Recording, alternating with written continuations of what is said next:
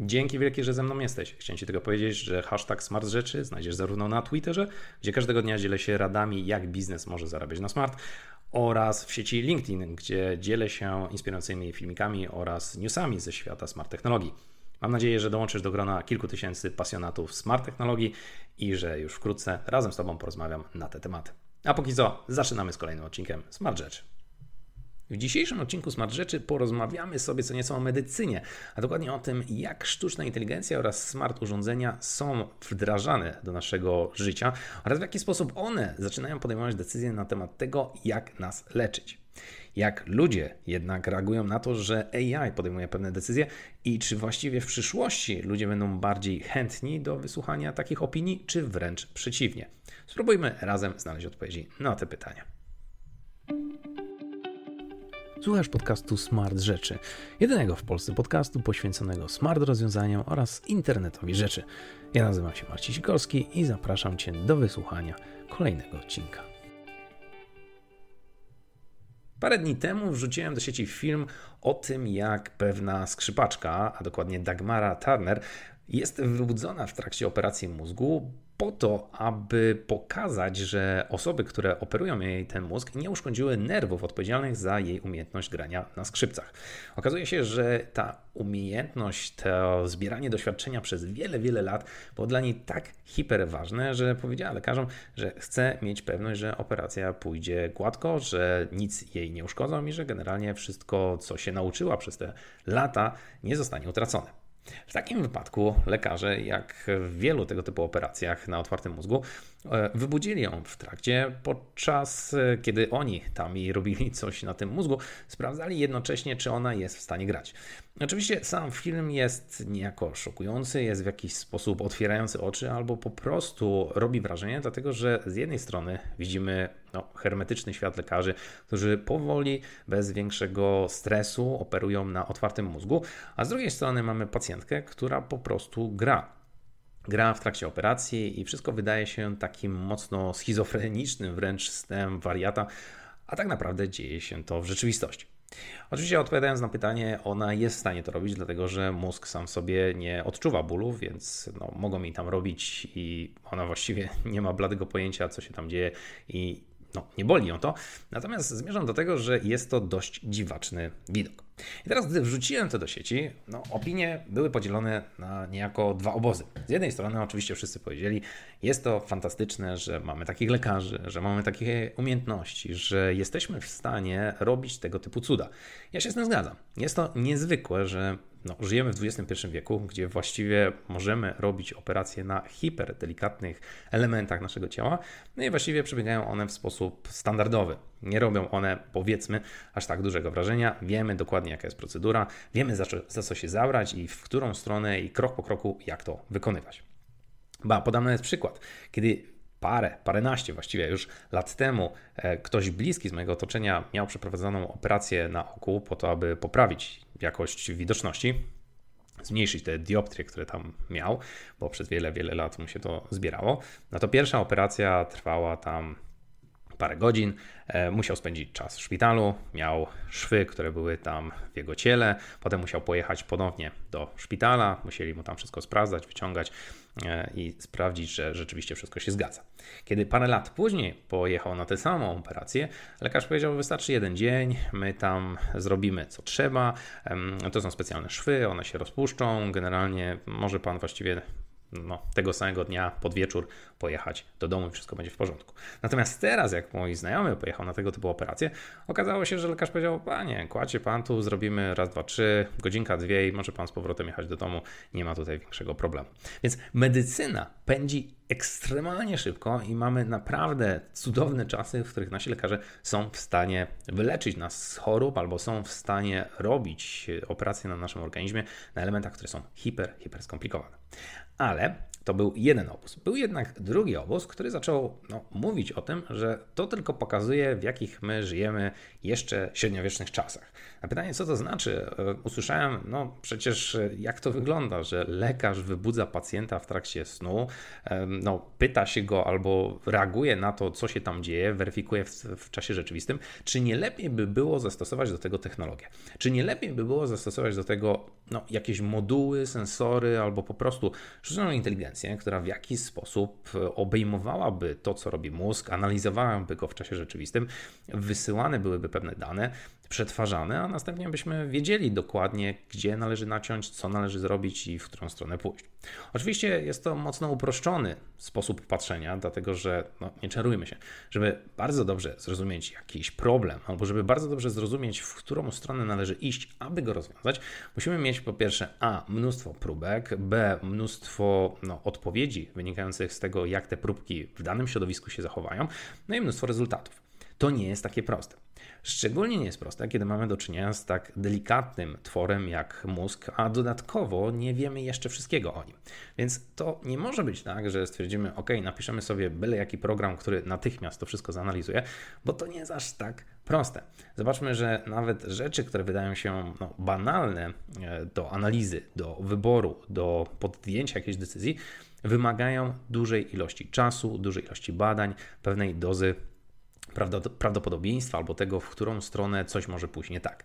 A teraz pytanie, czy chcielibyśmy, aby na sucho było to no, badane i w którymś momencie to my bylibyśmy tym pierwszym pacjentem, na którym taka sztuczna inteligencja będzie w stanie no, wykazywać, co się dzieje, albo w jakiś sposób może popełnić błąd. No, jak już wielokrotnie wspominałem, większość z nas jest hura optymistycznym, jeśli chodzi o to, wdrażamy technologię, próbujemy, przyszłość ma być lepsza, ale jeśli to na nas miałoby być wykonane ten pierwszy raz, no to już ten optymizm powoli znika. Często przypomina mi się ten case, gdzie pytałem się swojego znajomego, czy chciałbyś kupić hiperinteligentny samochód, taki, który by wiedział dokładnie, jak się zachować, rozpoznawałby trasę, rozpoznawałby to, co się na niej dzieje i generalnie byłby no, bardzo inteligentny, jeśli chodzi o zachowanie kierowców. Oczywiście odpowiedź brzmiała tak. Natomiast gdy spytałem się, ale wiedziałbyś o tym, że ten samochód w momencie, kiedy mogłaby być kraksa, mógłby no, na tych samych zasadach zabić ciebie, jak i osobę po drugiej stronie, jeśli zdecydowałby, że lepiej jest na przykład poświęcić twoje życie, aby uratować tę drugą stronę, w której no, na przykład w samochodzie jedzie cała rodzina. Taką podjął decyzję. A, no to wtedy zaczęło się kręcenie nosem. Ja jednak bym tego nie chciał. I tak samo jest tutaj. Wiele osób zarzuca, że e, podejmujemy pewne decyzje albo działamy jeszcze, nazwijmy to w cudzysłowie, e, utrzymując tę nomenklaturę w średniowieczny sposób, ale tak na dobrą sprawę, żeby technologia została wdrożona w wiele, wiele różnych aspektów naszego życia, wymaganych jest mnóstwo danych. Ale dane to tylko jeden czubek góry lodowej, dlatego że tutaj jest jeszcze wiele innych elementów, które trzeba wziąć, jakby nie patrzeć pod uwagę.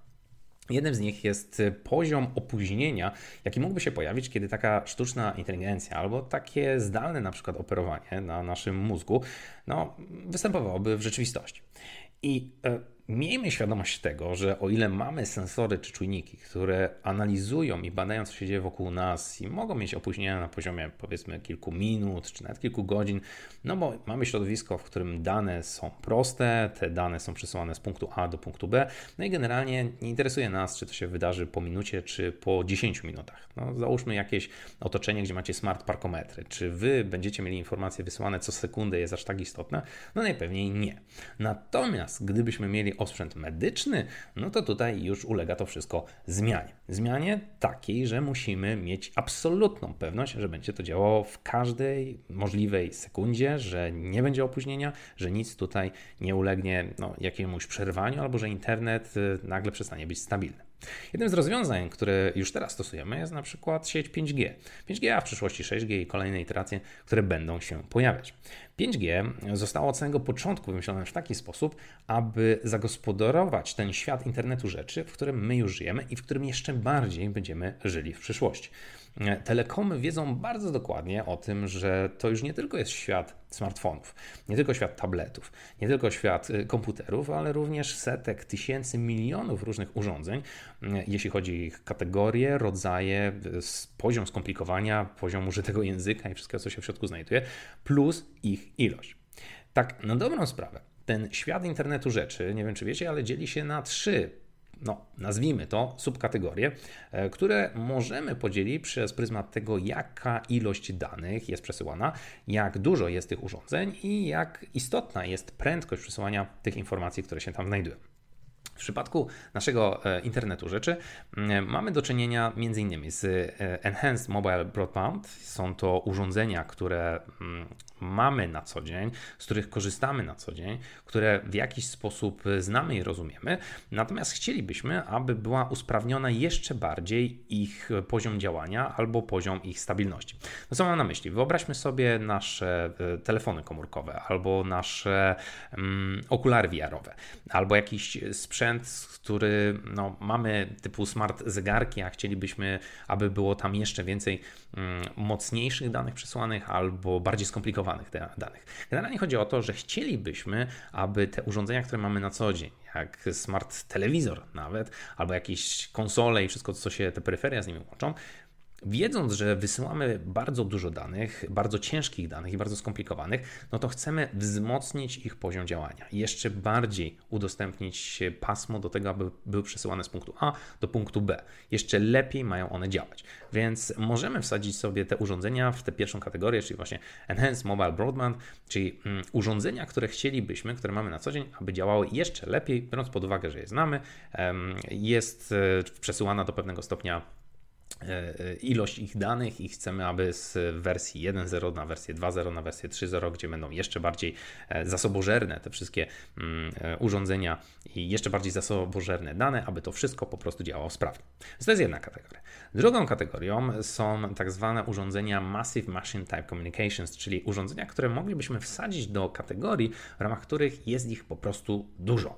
Jest ich dużo, bo mamy na przykład tysiące czujników w naszej fabryce. Jest ich dużo, bo mamy tysiące czujników w parkometrach. Jest ich dużo, bo mamy na przykład 10 e, tysięcy albo 20 tysięcy jakichś sensorów, które są rozsiane przykład po latarniach, które są w mieście i potrzeba nam, aby te proste dane, ale w dużej ilości urządzeń, były wysyłane do nas i były w jakiś sposób przeanalizowane.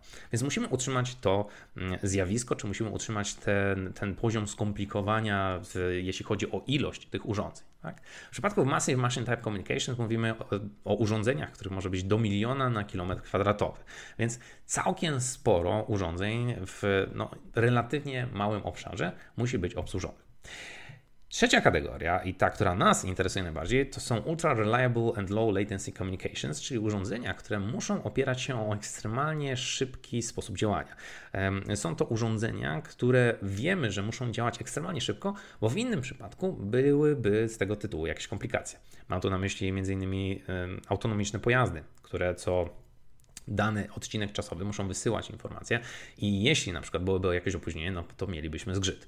Mówię tutaj innymi o sprzęcie medycznym, który też jest ekstremalnie ważny. Jeśli na przykład zdalnie pracujemy, no to wówczas mógłby być zgrzyt, jeśli byśmy tych danych nie otrzymali w odpowiednim czasie, czy nie byłyby one przetworzone w odpowiedni sposób.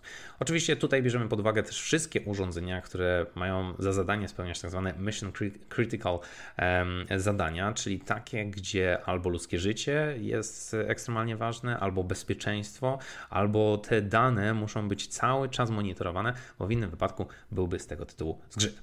Więc 5G od samego początku uświadomiło sobie niejako, że mamy te trzy typy urządzeń. Te, które są jako Enhanced Mobile Broadband, te, jakie są Massive Machine Type Communications i te, które są jako Ultra Reliable and Low Latency Communications. Czyli trzy różne światy. I nagle nam się okazuje, że ten internet rzeczy, tak na dobrą sprawę, no, nie jest tylko jednorodnym bytem, nie jest wszystko wrzucone do jednego wora, tylko mamy tutaj trzy różne typy podziałów, trzy typy urządzeń, trzy typy zadań do wykonania. No i skoro wiemy już, że 5G od samego początku stoi za tym, aby te urządzenia były obsługiwane w należyty sposób, skoro od samego początku mamy takie funkcje udostępnione przez 5G, jak choćby funkcja tak zwanego slicingu. Chodzi o to, że mamy łącze, które jest udostępnione urządzeniu. I y, biorąc pod uwagę, że może ono należeć do tych trzech kategorii, no to łącze niejako możemy sobie by default przystosować do danego typu urządzeń, które będą się podpinać pod naszą sieć. Czyli wyobraźmy sobie, że mamy 100 mega do użytku. 100 mega, które e, no, urządzenie albo kilka urządzeń, które się podepną, mogłyby zużywać, jako nazwijmy to nasze łącze, to nasze pasmo, które jest udostępnione na. No i teraz e, musimy zastanowić się, a które z tych urządzeń jako typ e, najczęściej będą się z nami podpinać, b jaka będzie ich funkcja, co one mają właściwie tutaj zrobić, no i c ile danych one muszą tutaj zeżreć, ile danych będą wysyłać od siebie, a ile danych będą pobierać z sieci.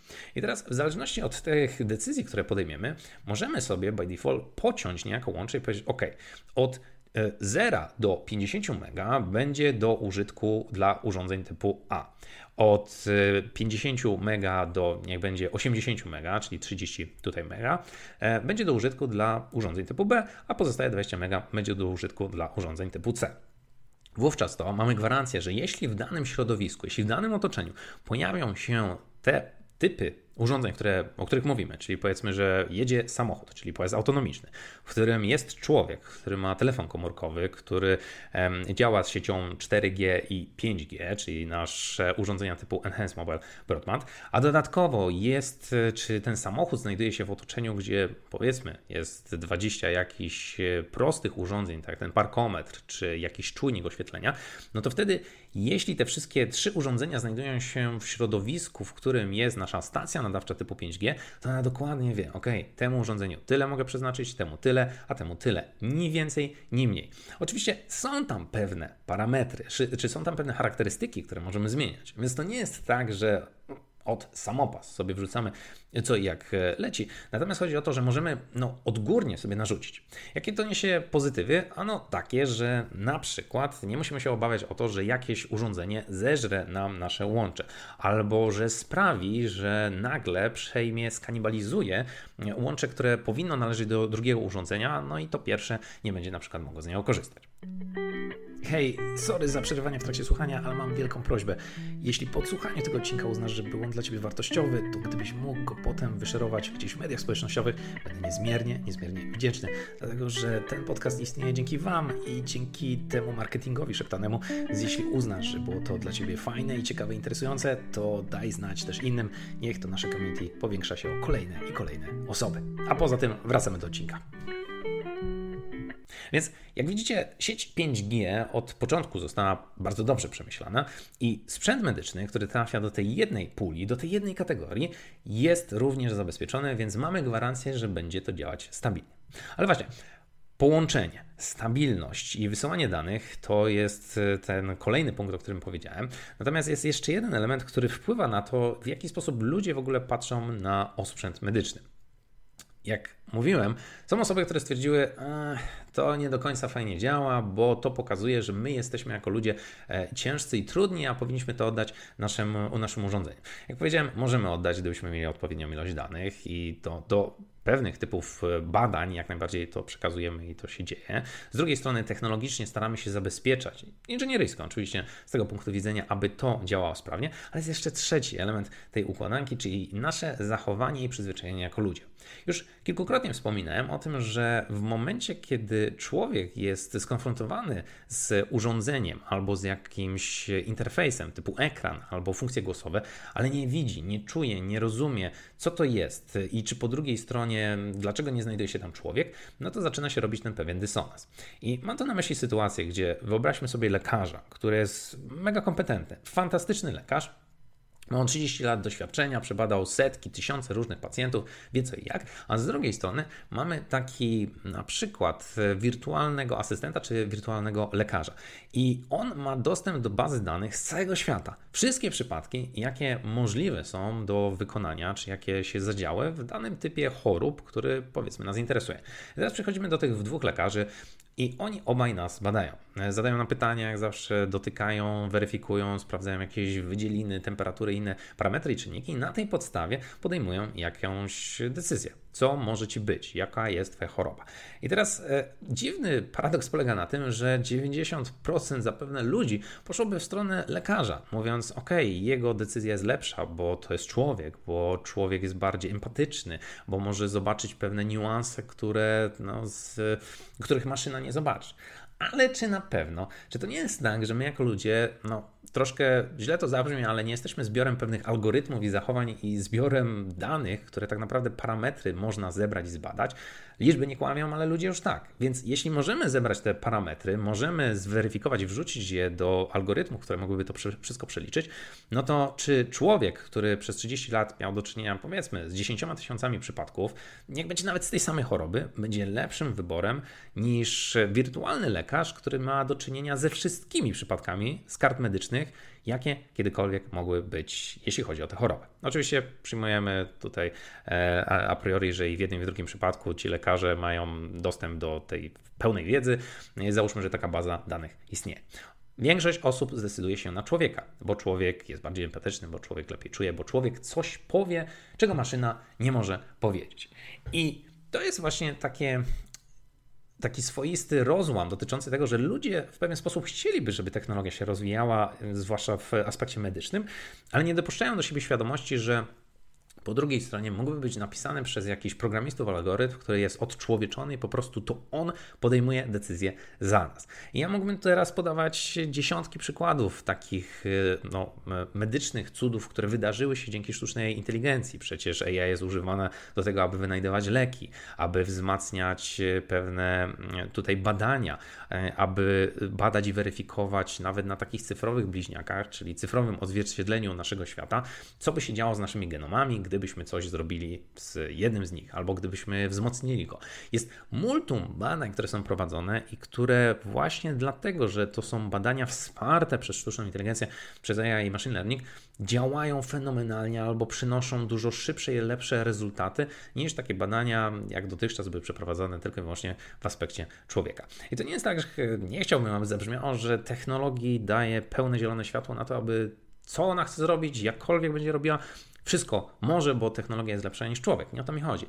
Chciałbym dążyć do świata i chciałbym dążyć do tego, aby osoby, które e, w przyszłości będą się stykać z technologią, aby też chciały mm, takiego połączenia dwóch światów. Z jednej strony naszych manualnych, wspaniałych możliwości, tego, że jesteśmy empatyczni, że mamy pewne cechy, które sprawiają, że no, człowiek jednak jest taką, a nie inną istotą. Z drugiej strony, abyśmy mieli dostęp do gigantycznych zasobów baz danych, które są w no, niemal sekundowym e, czy w kilkusekundowym interwale czasowym, przemielone przez jakieś AI czy jakiś algorytm, który jest w stanie wyłuskać to, co najcenniejsze i w ten sposób wskazać nam, co potencjalnie się dzieje, albo wskazać właściwie naszemu lekarzowi, który wówczas dopiero może podjąć e, decyzję, czy tak rzeczywiście jest. Oczywiście nic nie jest aż tak proste i nic nie jest aż tak łatwe, jakby się wydawało, więc tak jak powiedziałem, tutaj trzeba podjąć decyzję, jakie dane wsadzamy do środka, z jakich danych e, badamy, w jaki sposób je badamy, jak działa algorytm, jak działają te parametry, w jaki sposób podejmiemy decyzję,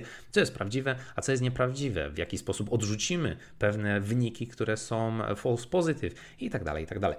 Mnóstwo elementów i mnóstwo, no, tak jakby czynników trzeba wziąć pod uwagę, po to, abyśmy my jako ludzie mogli w przyszłości jeszcze swobodniej czy lepiej korzystać z no, tego cudu, jakim jest nowoczesna technologia. Chciałbym, abyśmy spróbowali podchodzić do AI, do smart urządzeń, do tych wszystkich aspektów technologicznych właśnie w taki mm, sposób, że to nie jest coś, co nas zastąpi. To nie jest coś, co jest lepsze niż my, bo i tutaj wstawmy, bo działa szybciej, pewniej, bo lepiej podejmuje decyzje na bazie pewnych parametrów, etc. Tylko bardziej, abyśmy dążyli do tego, aby te dwa światy zaczęły się ze sobą przeplatać, te dwa światy wzmacniały siebie, abyśmy wówczas byli no, jeszcze lepsi, jeśli chodzi o nasze decyzje, jeśli chodzi o to, co powinniśmy zrobić, albo po prostu mieli takiego asystenta, który w jakiś sposób nas wesprze. I przecież przez wiele, wiele, wiele lat tak się właśnie działo. Tak? Mądrzejszy lekarz e, z większym doświadczeniem wspierał tych młodszych. Mieliśmy księgi, w których spisywaliśmy najważniejsze dane informacje. Mieliśmy jakieś symulacje, które były przeprowadzane najpierw na sucho, potem na jakichś zwłokach, potem na pierwszych pacjentach, a potem już na prawdziwych. E, mieliśmy wsparcie w postaci komputerów, mieliśmy wsparcie w postaci internetu, z którego możemy wyciągnąć pewne dane informacje. Więc dlaczego nagle pójście o ten krok dalej powoduje, że wszyscy dostają małpiego rozumu i wszyscy nagle się boją, że ola Boga, przecież to jest złe, przecież to jest amoralne, nieetyczne, nadi, nada, na i to tylko pokazuje, w jaką dziwną stronę zmierzamy. Ale czy na pewno zmierzamy w inną stronę, czy raczej próbujemy połączyć te dwa światy, aby były one sprawniejsze, po to, aby lepiej działały i po to, abyśmy mieli pewność i właściwie e, no, stawali się jako społeczeństwo jeszcze lepszym, to jest chyba clue tego wszystkiego, abyśmy dali możliwość, dali pewne zielone światło, przyzwolenie na to, aby te technologie były w naszym życiu, były stosowane po to, aby nam się żyło lepiej i łatwiej.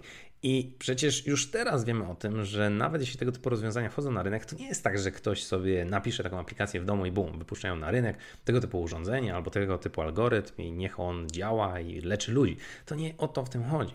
Te produkty są ocertyfikowane, one są standaryzowane, one są weryfikowane pod wieloma, naprawdę uwierzcie mi, wieloma względami, czynnikami czy sposobami, po to, aby potwierdzić, że na pewno nic złego się tu nie wydarzy i po to, abyśmy mogli potem, będąc w trakcie operacji albo przechodząc do takiego smart lekarza, dowiedzieć się, że ten sprzęt e, powinien działać prawidłowo i nie powinno nam się nic złego wydarzyć.